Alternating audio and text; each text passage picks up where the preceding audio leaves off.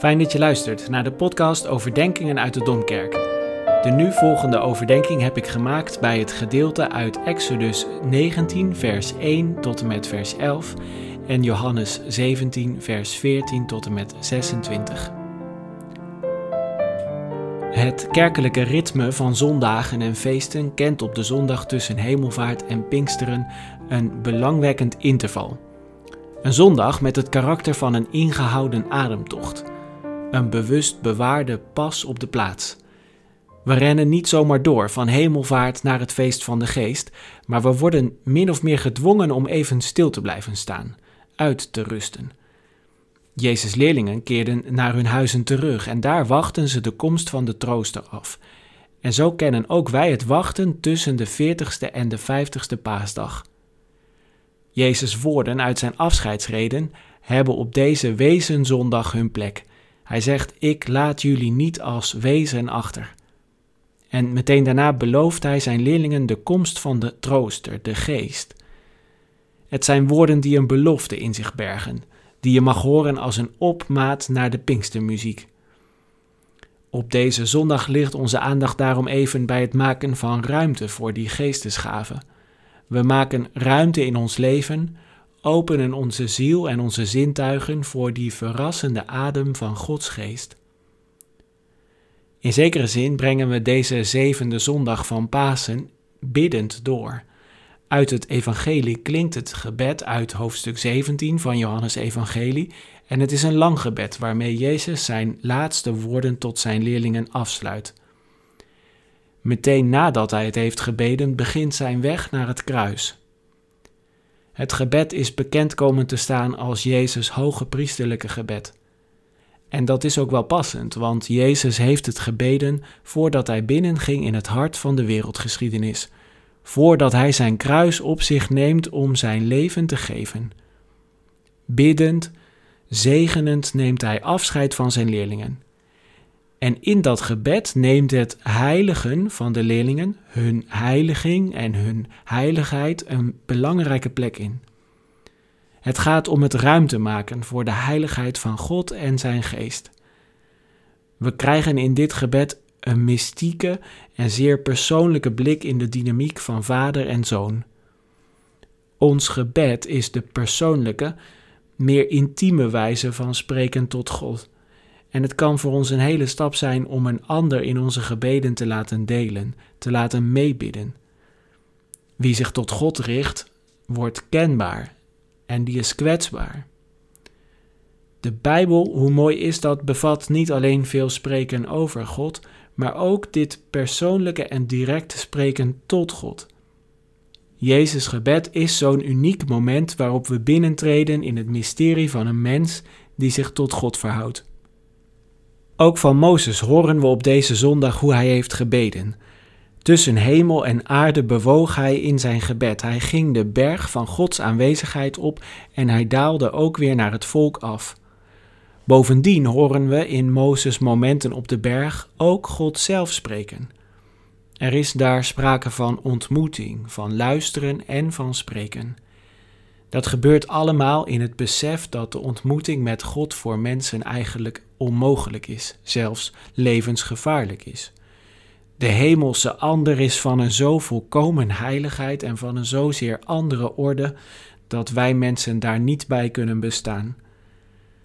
We kunnen denken aan de wijze waarop Petrus terugdeinst voor Jezus, als hij op Jezus woord een reusachtige vangst van vissen binnenhaalt. Heer, ga weg van mij, want ik ben een zondig mens, zegt Petrus. Het toont wel hoe een schepsel niet bij machte is de schepper te omvatten. Wil de afstand overbrugd worden, dan moet dat van Gods wegen gebeuren. En de Bijbel vertelt steeds weer dat verhaal van God die zich uit eigen beweging in mensentaal en mensentekens uitdrukt, die zich vertaalt. En dan is het ook het verhaal van mensen die voor die beweging ruimte maken. In het boek Exodus draait het allemaal om de bevrijding van het volk Israël uit slavendienst tot de vrije dienst aan God. En de cruciale stap in die bevrijding is het geven en ontvangen van de wet aan het volk. In het leren en in het doen van die onderwijzingen zal het mogelijk zijn dat God in het midden van het volk aanwezig is. Maar voor zo'n nabijheid is ook afstand nodig. Het is nodig dat een heilige ruimte en heilige tijd worden afgebakend. Alle nadruk valt in Exodus 19 op de verhevenheid van God en alle natuurgeweld moeten zijn heiligheid onderstrepen. De rokende en trillende Sinaïberg moet van het volk worden afgeschermd. Wie de afstand niet bewaart, die bekoopt het met de dood. Toch komen we hier niet alleen in ontmoeting met een heiligheid die om afstand vraagt. Er is ook sprake van een buitengewone nabijheid. God zegt tot het volk: Jullie hebben gezien hoe ik je op adelaarsvleugels gedragen heb en je hier bij mij heb gebracht. Dat beeld onderstreept zijn dragende kracht, zijn betrokkenheid op de lotgevallen van zijn volk. Heilig is God, maar juist in het vuur van zijn liefde blijkt dat.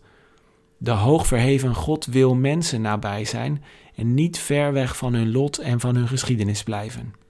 Voor die afdalende beweging van God is een ruimtescheppende beweging van onze kant nodig. Daarom moet het volk Israël zich heiligen, want er staat iets op het spel dat heilig is. Rabbijn Jonathan Sacks wijst er in een essay over dit gedeelte op dat heiligheid kan bestaan bij de gratie van een inperking, een terugtrekkende beweging die ruimte of tijd schept. We zonderen een deel van onze ruimte of onze tijd af, zodat die niet langer hoort bij de zorgen en sores van het dagelijkse leven. In de tijd is dat de dag van de Sabbat. Eén dag is anders dan de andere, kenmerkt zich door het ontvangen in plaats van het voortbrengen en verwerven. In de ruimte is dat voor het volk Israël de tabernakel.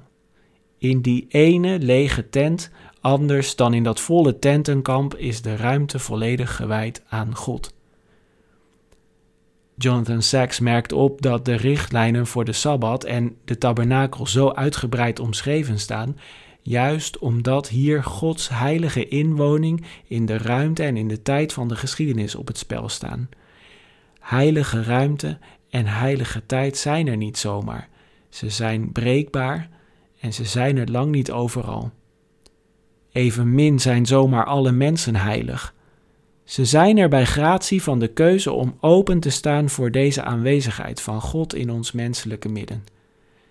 Israël moet ruimte en tijd maken voor dat wat het alledaagse en het normale overstijgt. Dat is wat het volk tot een koninkrijk van priesters en een heilig volk maakt. Dit volk ontvangt aan de voet van de rokende en de dreunende Sinaïberg de wet, Gods aanwijzingen voor het heilige leven. In Exodus 20 en de hoofdstukken die volgen drukt God uit wie Hij is en tot welke bestemming dit volk Israël is geroepen. Het vormt om zo te zeggen de grondwet voor dit koninkrijk van priesters, dit volk dat geroepen is om heilig te leven. En in dat spoor wijst Jezus in zijn gebed zijn leerlingen aan om heilig te leven, zich te heiligen in waarheid en waarachtigheid, in betrouwbaarheid. Zij zijn de erfgenamen van het volk Israël en ze zullen geheiligd worden door de wet die de geest in hun hart zal schrijven. Heiligen is een zaak van ruimte scheppen, van aandacht en toewijding aanbrengen in het leven. Wanneer Gods geest mensen heiligt, dan leren ze om ruimte te maken voor God en om mee te doen met God zelf.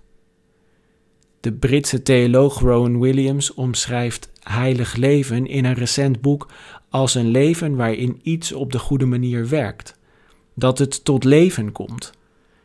In een heilig leven komt een zekere heelheid naar voren. In een heilig leven komt een zekere heelheid naar voren. Het doet denken aan, zo zegt Williams, aan een briljante uitvoering van de muziek of het drama van Gods actie. Dat is mooi omschreven. Het komt erop aan om je de onderwijzingen van Gods wet zo eigen te maken door de kracht van de geest, dat je er in iedere levensomstandigheid en in iedere situatie opnieuw mee kunt improviseren. Zo maken we op deze zondag tussen hemelvaart en Pinksteren een pas op de plaats. Een zondag van wachten en bidden. Een zondag om ruimte te maken voor de stilte, voor het ontvangen van het nieuwe begin. We wachten op het vonken van de Pinkstergeest, de beloofde trooster, die ons bestaan met nieuw en heilig vuur zal doen ontbranden.